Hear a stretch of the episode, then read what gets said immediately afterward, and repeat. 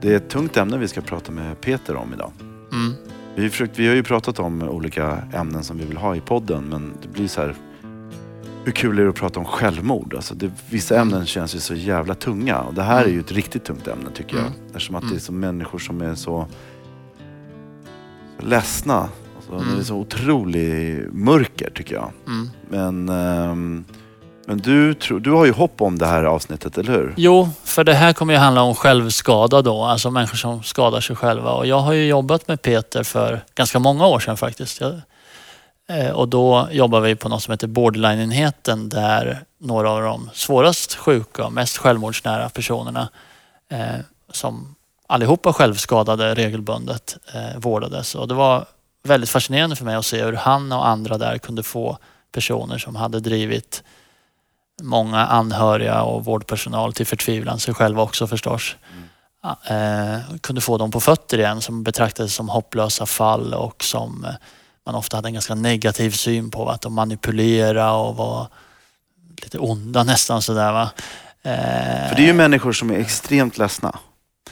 Är det inte så? Jo, Alltså, man, är man, u- kan ju ändå eh, tänka sig upprörda. va, varför skulle man skära i sig själv om- om det inte fanns ett, ett starkt skäl på ett sätt. Men det som jag hoppas man ska lära sig av det här avsnittet är väl hur kan man förstå det här beteendet? Mm. Eh, och om man förstår beteendet kan man hjälpa en annan människa bättre då? Eller förstå en annan människa åtminstone? För, för- jag tror att många av de här människorna stöter på oförståelse av andra. Alltså, Ja. Även föräldrar, anhöriga och så. De vet bara inte vad de ska göra till sist. Va? Och blir helt förtvivlade. Och då tror jag att om man, om man kan förstå det här som ett beteende som vissa saker utlöser, vissa saker förstärker. Istället för att se på det på ett väldigt dömande sätt så har man vunnit oerhört mycket. Och det tror jag faktiskt att Peter kan lära oss idag. Mm, det hoppas jag också. Peter Schattlos är psykologen som kallar sig en vanlig kille från Brandbergen. Efter olika typer av studier så märkte han direkt när han började jobba att han hade någon slags fallenhet för att arbeta med emotionellt instabila personer och personer som självskadar. Han är gift, har tre barn och bor märkligt nog på en av Stockholms minsta öar.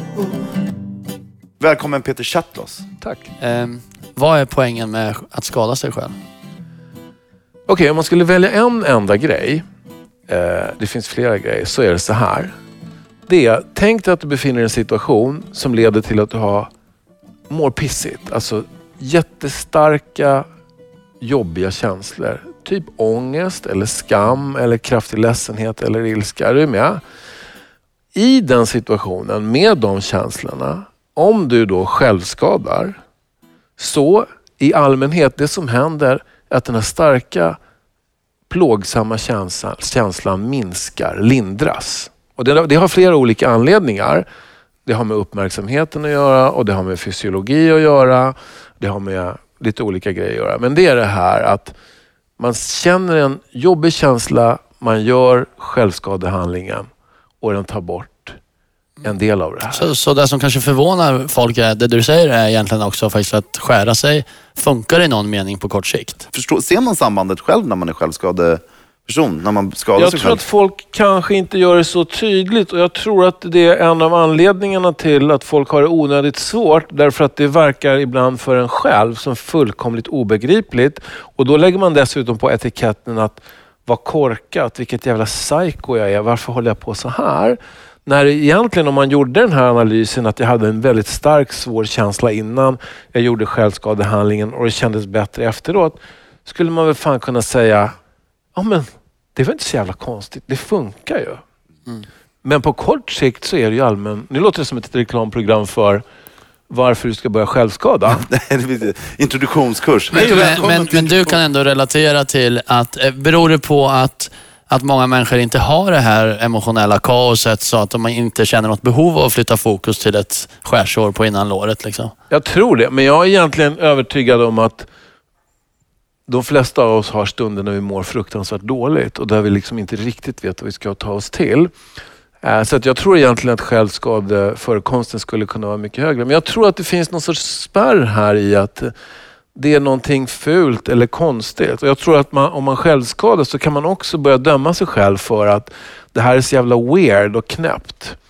Några grundläggande råd är väl egentligen att bemöta det här med värdighet och respekt och vara väldigt icke-dömande. Det, det tror jag är liksom en superviktig linje. Och vad, hur är man icke-dömande då? man, man säger inte eller man förmedlar inte att det här är knäppt eller det är fel eller hur kan du göra så här? Eller tänk på, eh, tänk på din pojkvän eller flickvän eller tänk på dina föräldrar. Eller hur kan du hålla på med den här grejen? Att kategorisera det som dåligt. Utan bara snarare gå på, fan vad svårt du måste ha det. Det andra tricket egentligen om man skulle vilja se det är att vi fokuserar så hårt på självskadan. Oj, det här är Pelle, han har ju skurit sig i armen ur Pelles perspektiv är ju skärningen, det är ju lösningen på någonting som fanns innan. Så snarare än att gräva ner oss jättehårt i varför skär du dig Pelle eller hur fan kan du skära dig?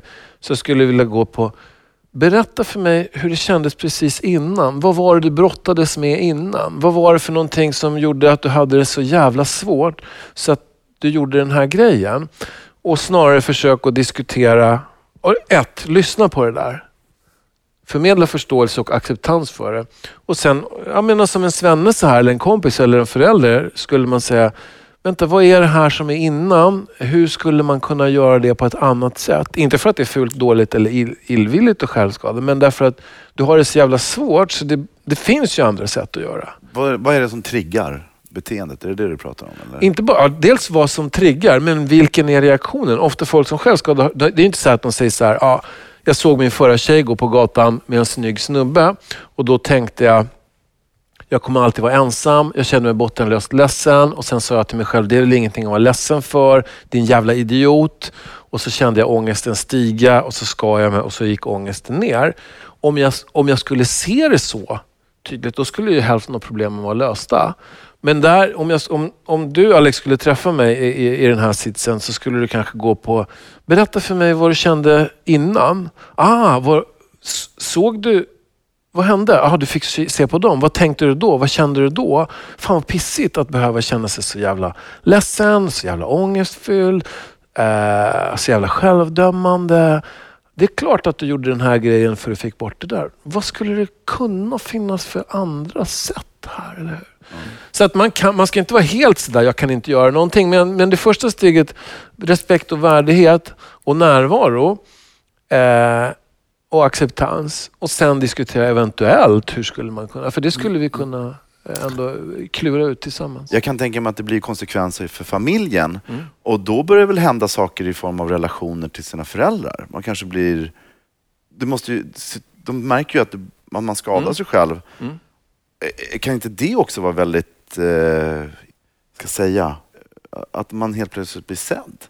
Ja, nu är det liksom ett steg före mig här Alex. För, att, för den ena grejen vi pratar om här, vad, vad är poängen med självskada? Poängen, en av poängerna med självskada är ju att, att reglera eller påverka känslor som är jobbiga. Och den andra, den är inte lika vanlig men vi måste alltid tänka på det också. Det är att reglera eller påverka vår omgivning. Därför att, kom igen, när en kär person i vår närhet börjar självskada, då, då har vi ju ingen annan möjlighet än att typ lägga ifrån oss våra jävla Excel-ark, eh, ställa in de här jobbmötena eller sluta gidra. Det är ju en ganska vanlig sån konsekvens att vi minskar vår press, sociala press. Eller det här att vi ger uppmärksamhet, det är då vi börjar umgås lite mer. Eh, med, med, våra partners, eller våra barn, eller våra föräldrar eller våra kompisar när de har det svårt. Så det, blir ju, det, blir det är ju inte en intention. Det är ju inte folks mening med nu ska jag skjuta mig i knät så att min farsa farsa ska vara snällare mot mig. Men det händer ganska ofta. Och då är ju det ett sätt som kommer att få den här loopen att snurra. Att jag lär mig att jag kan få Christian att bli jättevänlig mot mig här genom att börja skära mig. För då slutar han att tjata om att jag ska komma och vara med i poddar som jag bara har skitmycket ångest över. Eh, utan då men, jag det. Men det är också så att eh, det här beteendet, vi har ju tidigare avsnitt pratat om bekräftelse mm. med Oskar Henriksson till exempel. Att mm. det, det, här beteendet förstärks då på samma sätt som andra beteenden. Ja. Att, eh, alltså i meningen att de, de konsekvenser det får, hur andra människor agerar och mm. hur jag mår, gör att jag ökar sannolikheten att det här beteendet kommer hända igen. I vården är det ju, eh, blir det ju ibland ett problem att, eh, och jag tänker mig för anhöriga också, mm. att att, att det här beteendet blir bara värre och värre och värre fast man försöker göra mer och mer. Man försöker hjälpa mer och mer, vara vänligare och vänligare, mm. stötta mer och mer. Sätta mm. in allt upptrappande sjukvårdsinsatser som slutar med att man till sist är på rättspsyk mm. eh, efter två års vård. Mm. Och allt självskadebeteende bara accelererar. Och det är ju just i sådana situationer jag har mött dig kan man säga. Och, och du har ibland lyckats lösa de här problemen på ett fantastiskt sätt. Och, och hur, hur, hur, kan, hur blir den spiralen så att säga? Alltså om vi tänker oss att jag har svårt att få stöttning av Christian till exempel. Uppmärksamhet, närvaro. Och jag dessutom har väldigt starka känslor som jag har svårt att styra. Eh, och jag börjar hota eller jag börjar skada mig mer och mer. Och, då, och Christian då lägger in mer vänlighet, mer närvaro, fler besök, lite mer bensodiazepiner, lite fler vårdmöten. Bensio. Bensodiazepiner, ja, Lugnande alltså, medel. lugnande medel. Ja. Sånt som, som jag tycker om och som är fint för att det drar ner mina känslor, men som funkar skitkast i det långa loppet. Ehm, så är- jag tror att Christian beskriver här, det, risken är ju att, jag liksom, att han fostrar någon sorts så här veritabel självskademaskin där jag bara, det enda jag kan göra är typ att självskada mer för att få mer av, av det här. På sätt och vis ja, på sätt och vis nej. Men jag, vi ska komma ihåg att vi kan inte bestraffa bort det här beteendet. Eller det finns ingen anledning för Christian att bete sig respektlös eller ovärdigt eller bestraffande med idén om att om jag är taskig mot Peter då kommer han sluta. Men det vi måste komma ihåg är att jag som individ skulle behöva fler färdigheter, trick, för att få Christian att vara soft mot mig på andra sätt än att självskada, eller hur? Och där, det kan jag ju lära mig i behandling. Alltså jag, kan ju, jag är ju en jävligt soft brandbergskille som får precis vad jag vill utan att självskada. Det är ju för att jag är vänlig, jag är intresserad, jag är empatisk mot mina medmänniskor. Jag kan vara rolig, bla bla bla. Det låter som en reklamfilm för mig själv.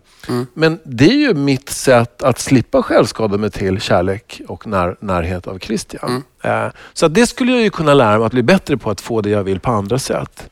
Men om man är intagen på en psykiatrisk avdelning så kommer ju det här brandbergssofta som du beskriver leda till utskrivning, eller hur? För då mår man ju bra och eh, så. Så att, att skada sig själv kan ju vara ett sätt att få, få vård också, Ja. tänker jag mig. Att det blir ett sätt att reglera tillgången till vård. Då. Exakt. Och det är det som är så jävla diaboliskt här. Det är att så fort vi som så här emotionellt turbo självskadepatienter som Peter Chatlos börjar bete oss lite mer, om vi säger adaptivt, eller minska våra självskador eller är softa i relationsfärdigheterna. Det folk gör då, det är ju inte att uh, jubla och göra vågen, utan de säger så här, nu får du gå hem. Eller nu går pappa till jobbet för nu verkar du må så bra. Eller nu får du gå tillbaka till skolan. Så att oftast är det så att när vi börjar göra coola grejer, alltså coola i bemärkelsen effektivare grejer, så blir ju omgivningen snarast, slu, så slutar omgivningen att eh, typ vabba lite extra och åka till Gröna Lund och fixa språkresor eller vad det nu är man gör. Så att det där är ju skitviktigt att inte slänga ut folk när de börjar göra coola grejer. Utan tvärtom. Ah, nu, Peter, nu gjorde du den där softa grejen istället för att eh, skära dig framför mina ögon. Vi går och käkar lunch. Berätta mer. Hur har du det? Vad tänker du? Vad är svårt för dig? Så att, eh, man är ju så utmattad som anhörig och som vårdpersonal. Så att när folk slutar göra galna grejer, alltså galna som Peter Chattas självskadelse, då är man ju snarast benägen att försöka återhämta sig och göra någonting, eh, kliva åt sidan och göra, Man, man vill vila själv. man vill vila Men, men själv. också tänker man att vården i allmänhet har ju perspektivet att när din feber har gått ner och infektionen är över, då kan du gå hem. Och, och man tänker inte på det här, men här blir liksom att det är viktigt att belöna funktionella beteenden. Ja, det, det, det är liksom en av de centrala grejerna här. Alltså, för oss som anhöriga och för oss som Vänta, vänta. vårdpersonal. Ursäkta. Men det är ingen fara. Lugnt bara. Jag har hostat halva natten så att jag klarar mig ändå. Okej, Ja, helt. det är klart. Okej. Drick lite. Det är sånt. Han, han har ljud-OCD. Enda OCD han har faktiskt. Det är väldigt väldigt bisarrt. Ja, vet. Och op optimeringsneurotiker också. Men, Lyssna inte på honom. eh, Medikaliserar vanliga men glada Alla- människor. Jag var inte sjuk nyss, men när jag träffade Christian så blev jag det. Blev Två nya om- diagnoser. Jag blev- Jag blev så vet jag att Ja. Eh, en annan fråga är ju det här som, orden som vi slänger oss med lite grann är ju emotionell instabilitet eh, och borderline då. då.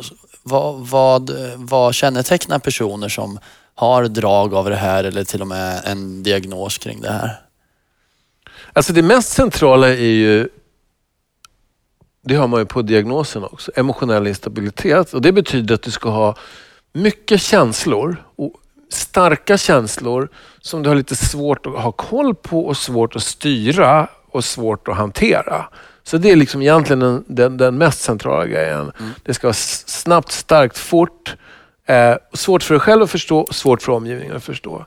Två andra centrala grejer som brukar förekomma som inte måste förekomma, det är ju självskadehandlingar och även andra impulsiva beteenden som eh, ja, eh, typ köra på fyllan, eh, ligga med fel person, eh, shoppa, shoppa loss utav helvete, eh, göra saker som... Och, och är de en konsekvens av de här emotionerna som går upp och ner? Att, att de impulsiva sakerna, kanske farliga sakerna, också blir det kanske ett sätt då att reglera känslorna? Eller? Christian, är du psykiater? Nej men alltså seriöst, jag tycker att det, det där är en briljant analys skulle jag vilja säga. Det är ju att, att skära mig själv och att streetracea och mucka med någon lirare på Gröna Jägaren eller i Maxigrillen. Att ligga med grannens fru. Alla de beteendena i allmänhet funkar ju därför att de på något sätt reglerar det här starka, snabba, intensivt plågsamma känslolivet. Så att kärnan är ju väldigt mycket att reglera, att hantera svåra känslor. Men jag, tänk- när, jag, när jag lyssnar på er, jag har ju ingen erfarenhet av självskada. Och jag känner ingen i min närhet som jag vet om skadar sig själv för flytta fokus eller av olika anledningar. Men jag, jag, ehm, under en stund här när ni pratade så kände jag att om mitt barn hade börjat självskada. Eh, Och jag började nästan gråta redan när jag bara tänka på det. Precis. För fan vad hopplöst alltså. Det måste ju vara helt fruktansvärt för att vad man måste blamea sig själv och ta sånt jävla liksom man måste ju ta sånt stryk som förälder och jag kan tänka mig att om man har nära till alkohol så börjar man kröka och så är man liksom en värdelös förälder så har man en nedåtgående spiral där. Det är jätte, jätte, jättelätt. Och det är ju det här, Alex, som är dels som är så jävla smärtsam för oss som, som om föräldrar till våra barn. Eller som partners. Eller som goda vänner. Att behöva se framför oss, du vet, ditt, när ditt eget barn har den här glansiga blicken och det, plöt, det plötsligt slår dig att den här ungen har det så svårt. Så han eller hon kommer inte på någonting annat än att skada sig själv. Och man bara, är det här sant? Alltså det är ju liksom, det är väldigt, väldigt svårt att tolerera. Det är väldigt, väldigt svårt att stå ut med som förälder. Och, med, och å andra sidan, ska jag säga det, det måste vara ett av tricken. För ett av tricken är ju att kunna vara kvar. Och Att vara stå nära. ut är tricket alltså menar du? Att stå ut, nämligen att stå ut i alla fall en kort stund i bemärkelsen att jag ser dig, min kära fru eller min kära man eller mitt kära barn. Och jag ser just nu att du har det så bottenlöst svårt så du hittar ingen väg ut. Och inte direkt säga så här, jo men det blir nog bra eller det kommer nog ordna sig eller nu åker vi till BUP eller skärp dig. Därför att det är de grejerna vi gör för att reglera lite vår egen eh, horrib, horribelt djupa känsla av att det här är, det här är ofattbart svårt.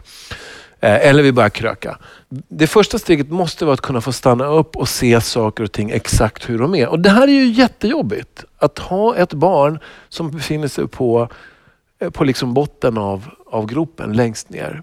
Så det, det är ett jätteviktigt trick.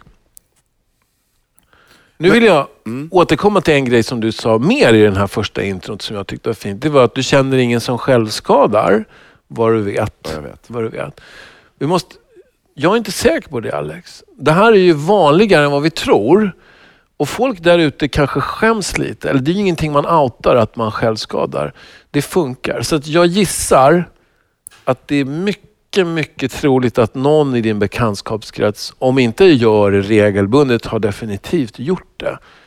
Uh, och bland våra tonåringar så skulle man tippa att runt 15 procent någon gång gör en sån här aktiv icke-suicidal självskada. Så att har vi barn så att bara fan, har en tre, fyra ungar så är det bara att hålla i sig. För det är liksom sannolikheten för att det ska hända är tyvärr ganska stor. För att barn har det svårt. Mm. Ja.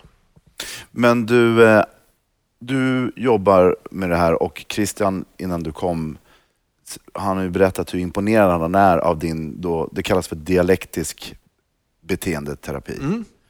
Ehm, är det så, du har ju haft själv er, erfarenhet när du var ung. Känner du att du har, hjälper det dig? För att om man inte har haft den erfarenheten så kanske man skulle ha svårare, att det skulle vara lättare att kanske bara bli trött på dem och kanske tycka att de ska bara skärpa sig. Tror att det hjälper Ja, dig? jag har inte tänkt på det så, men det är ju, det är ju ganska, det, det är ett rimligt antagande att jag har kanske lättare att sätta mig in i det här och en större förståelse eftersom jag har suttit där själv. Eh, så det är möjligt. Det är kanske är därför Är det jag, något du använder dig av eller? jag berättar aldrig att jag är självskadekille. Nej. Det fin- det är inte en chans i helvetet. Det är ingen som vet det. Nej. Förutom alla våra lyssnare. Ja, kanske nu då. Men eh, det, och det har inte jag outat, men det har ju möjligen legat som en, en bakgrund till. För jag kan verkligen förstå eh, och jag, ser, jag tycker att man kan se det kristallklart att det här är hur mycket svår, svårigheter den här personen har och att det är en desperat grej som den gör och den funkar ju. Eh, och den samtidigt vidmakthåller den. Den håller den här jävla grejen rullande av att fortsätta må dåligt och fortsätta att paja sina relationer. Eh, och att man behöver verkligen andra verktyg. En, en sak som vi återkommer till många gånger i den här podden är just att försöka förstå beteenden som jag tycker är skitintressant. Och då tänker mig, man pratar ju ofta om självmordsnära beteenden eller självskada som ett slags rop på hjälp. Men, och då tänker man att, att syftet med att försöka ta livet av sig är egentligen bara att kommunicera till andra, jag mår dåligt. Eh, och då har man, tror jag, missat eh, Peters poäng då. Att Eh, ja, men även om min avsikt inte är att Alex ska träffa mig oftare om jag skär mig, så det faktum att det blir konsekvensen kommer öka risken att jag skär mig en gång till. Och det är något annat. Ja, och det är något annat än att säga att han ropar på hjälp bara. För det är något lite så här eh, översittaraktigt i att säga det. Nu, kommer jag, nu börjar jag bli förbannad här. Eh, för det är precis det där. För Christian säger så här, det är bara, bara ett rop på hjälp. Det låter som att det är lite så här uppifrån, klapp på huvudet, eh, nedvärderande. Lite, det luktar lite så här, det där är ett manipulativt sätt. Exakt. Ah. Alltså det finns en extremt negativ klang och värdering i det där. Som att det är bara för att få uppmärksamhet. Vilket gör mig seriöst upprörd. Jag kan förstå det, men den modellen är så extremt förenklad. En poäng är, ja, det är klart, eh, det är ju ett sätt att kommunicera att jag har det svårt. Men att liksom lägga någon sorts så här filter av att det här är dåligt, eh, att det här är illvilligt eller att det är, det är inte värt att ta på allvar är ju, är ju helt... eh, Ja, jag blir minst sagt irriterad. Så det, och det är inte ett effektivt sätt att se på det heller. För, att, för om jag ser det så här, min patient, hon vill ju bara, eller han vill ju bara liksom, eh, att jag ska bli lite mer soft mot honom, bara. Bara. Vänd på det. Fan Alex och Christian, vad fan är det som är viktigt här i livet? Det är ju att folk ska se en, folk ska tycka om en, folk ska vara nära en. Det är liksom ett av våra mest grundläggande behov. Så om någon säger till mig så här, "Ah, du vill ju bara ha lite mänsklig närhet. Vad fan, det är liksom jag. Det är, det är ju det som är viktigt här i livet. Vad fan tänker du med egentligen? Som om det vore en dålig sak. Ja, som om det vore en dålig Ja. sak. Så så att, men men jag, tycker att, jag tror att många av de här, det är bara ett rop på hjälp eller det är manipulativt eller skärp dig. Är ju, vi ska ju inte döma den, eh, de uttalandena heller. För det, jag tror att det är ett tecken på att man som förälder eller partner eller, eller doktor eller psykolog är, känner sig desperat för man vet inte vad man ska göra. Nej. Och det här är ju eh, patienter då som är väldigt utmanande eh, kan man ju säga ibland. Men några grundbegrepp kanske vi måste komma tillbaka till då. Dialektisk beteendeterapi nämndes här. Kan du berätta lite? Det låter som svåra ord. Vad är det för någonting? Det är, jättes, det är jättesvåra ord med jättemånga stavelser och eh, eh nästan omöjliga att uttala. Men dialektisk beteendeterapi det är benämningen på en psykoterapiform eh, som utvecklades i slutet av 1900-talet. Eh, som är en variant av beteendeterapi. Eh, där man förutom då beteendeterapi och lite KBT har lagt till jättemycket acceptansstrategier. Eh, för, och man har riktat den här behandlingen för patienter som är kroniskt eh, självmordsnära och självskadar mycket. Det är ju de patienterna man har fokat på. Och den behandlingen har ganska många forskningsstudier och har hyfsat fina resultat. Jag skulle säga att det är den behandlingen som i dagsläget har bäst resultat för emotionellt instabila patienter eller patienter med emotionellt instabil personlighetssyndrom. Den är ju väldigt mycket fokuserad på självskada och reglering av känslor och hantering av relationer. Så vad gör man i en sån behandling då som gör att folk kan gå från att självskada hela tiden till att må bra. Det är en ganska bred behandling och eh, alltså, i den bemärkelsen att dels har man en individualterapisession i veckan som patient. Så man går till den här, kanske till Peter Chaltlos en gång i veckan individuellt. Och där gör man de här analyserna som vi slänger ur oss lite här, nämligen i vilken situation kände du vad?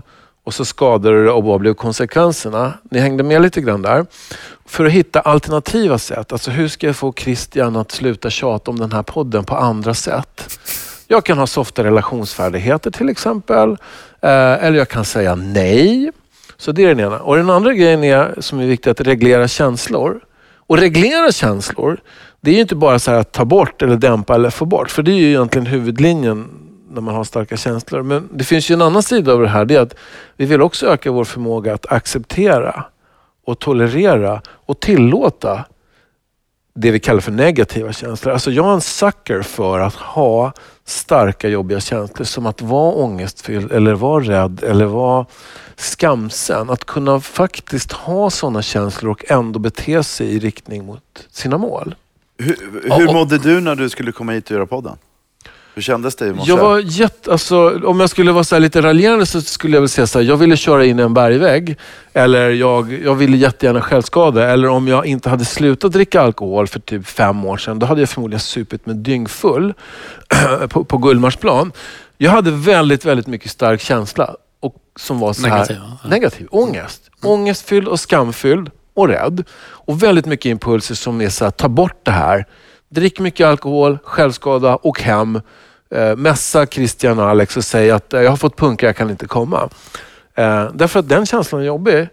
Men en av färdigheterna här, det är ju faktiskt att att ha det här, fan, jag, det, här är ju eh, nästan som en blomma, liksom verkligen uppskatta den här eh, starka upplevelsen av obehag och oro och ändå gå hit och vara med er och prata om det här. Och jag har ju det nu, i detta ögonblick, känner jag ju skitmycket obehag och jag kan uppskatta det. Det här låter lite respektlöst. hur har du lärt dig att, eh, det här är väl acceptans, så säga. hur har du lärt dig att omfamna de här negativa känslorna på det sättet som gör ändå att du kom till den här podden? Då? Vad, vad, Jag tror att jag har gjort det så många gånger. Och jag har sett att, att ibland att kämpa emot och försöka hålla borta och släcka ner, avbryta eller undvika funkar inte speciellt bra.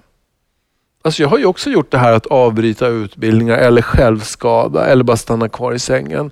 Och de lindrar ju på kort sikt. Eh, men det är ju lite kickigt också att känna eh, att jag har en stark känsla och ändå gör det som är viktigt för mig. Är inte, förlåt, men är inte en, alltså för det finns ju olika filosofer, tror jag. Kierkegaard pratar om att ångest och att man drivs av ångest. Allt vi gör är ångestdrivet.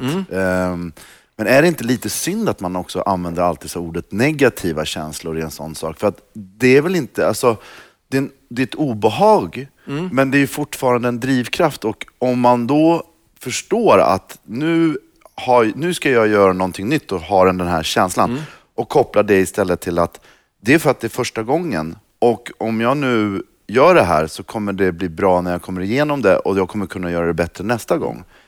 Det känns som att allt det, alla säger att det är så dåligt. Absolut. att det är Jag så, vet. Ja, att det är liksom, men det är faktiskt, ångest är ju bra. Ja, fan, förlåt Christian, jag måste bara säga för att eh, han pratar i mitt språk den här snubben.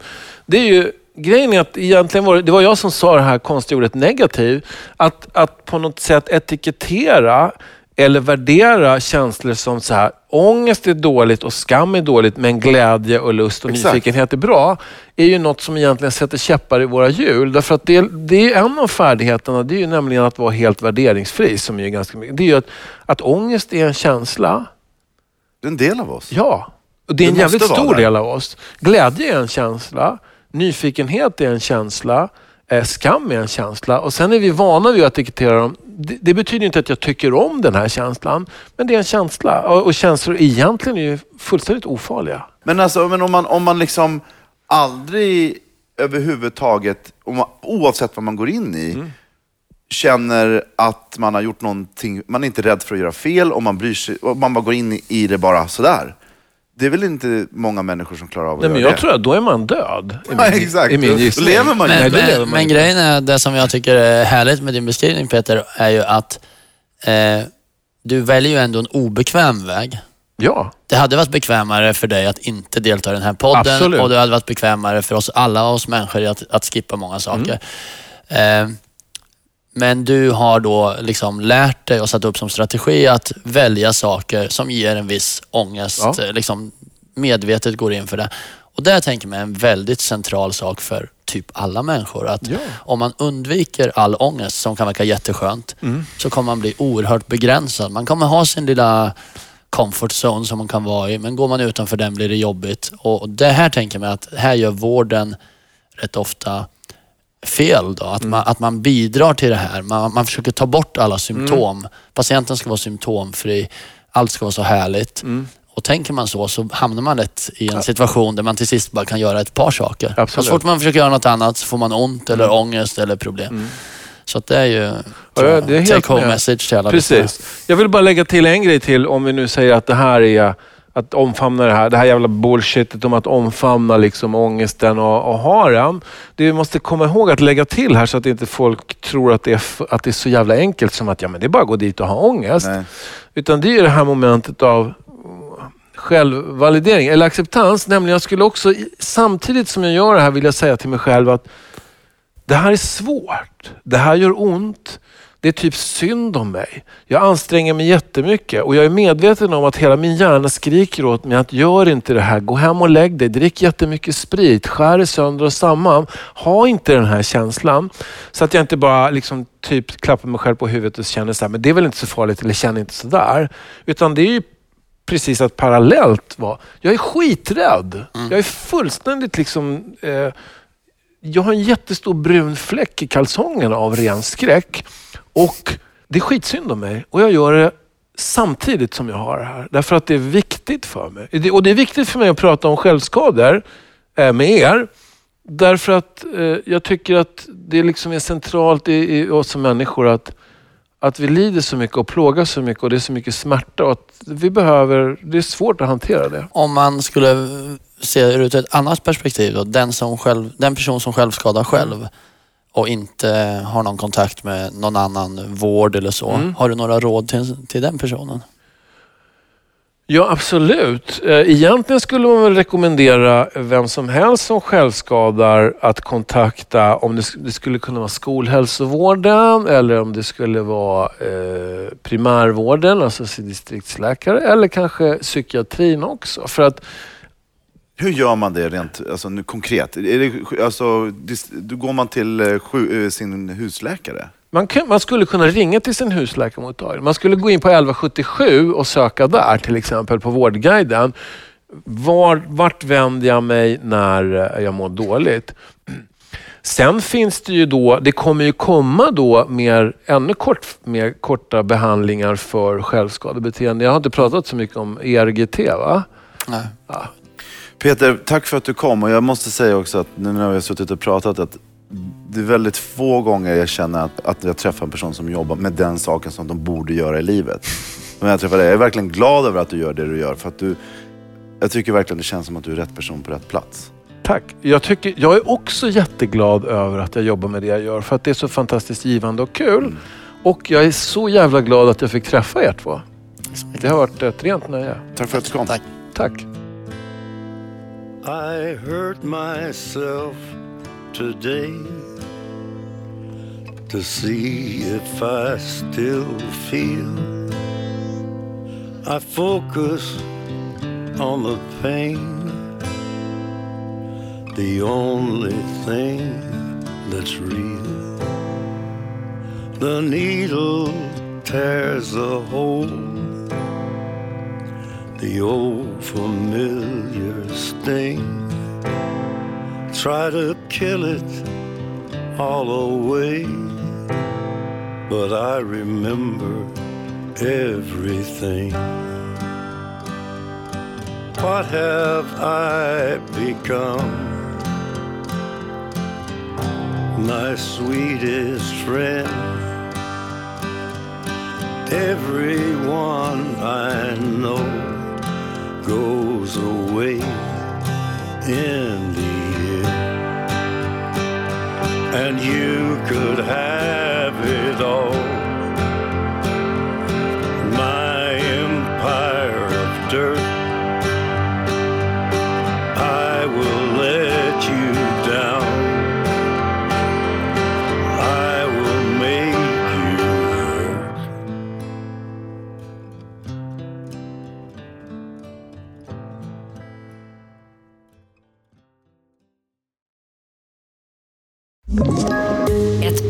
Poddtips från Podplay.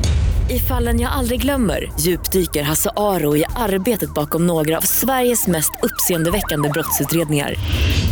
Går vi in med hemlig telefonavlyssning och, och då upplever vi att vi får en total förändring av hans beteende. Vad är det som händer nu? Vem är det som läcker? Och så säger han att jag är kriminell, jag har varit kriminell i hela mitt liv men att mörda ett barn, där går min gräns. Nya säsongen av Fallen jag aldrig glömmer på Podplay.